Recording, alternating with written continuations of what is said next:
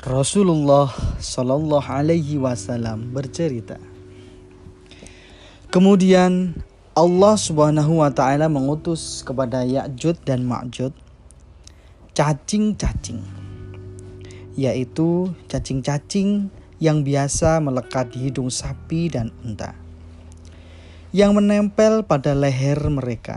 Dengan itu, maka mereka akan mati seperti matinya seseorang, mati sekaligus. Kemudian Nabi Isa alaihi salam turun dari gunung itu. Tidak sejengkal pun tanah yang tak disesaki bebauan busuk dari bangkai-bangkai mereka, Yakjud dan Makjud beserta pengikut mereka.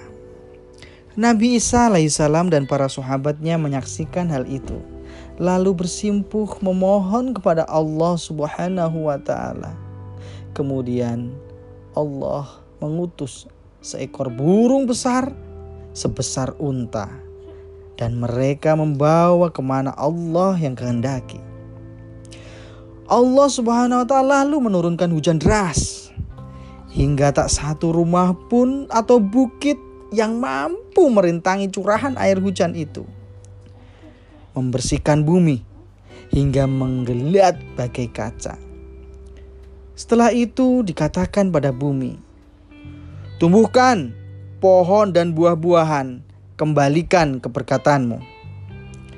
Dan sejak itu manusia kembali memakan buah delima dan mengadukan kulitnya. Berkah itu sungguh besar sehingga seekor unta yang mendekati kelahiran mencukupi satu kelompok dalam jumlah besar. Seekor sapi yang juga sedang mendekati kelahiran mencukupi satu kabilah dan satu ekor kambing bisa mencukupi sekelompok di bawah kabilah sementara mereka menikmati keberkahan itu. Allah mengutus angin semilir untuk mengambil roh setiap mukmin dan muslim.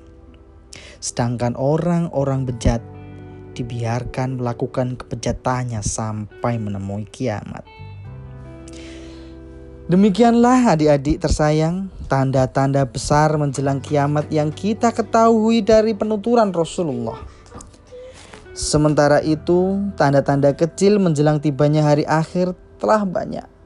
Antara lain, munculnya banyak kerusuhan, banyak terjadi pembunuhan, merebaknya kejahatan seperti zina, judi, dan minum-minuman keras Orang bangga melakukan kejelekan sampai mereka yang memegang teguh iman seperti menggenggam bara api.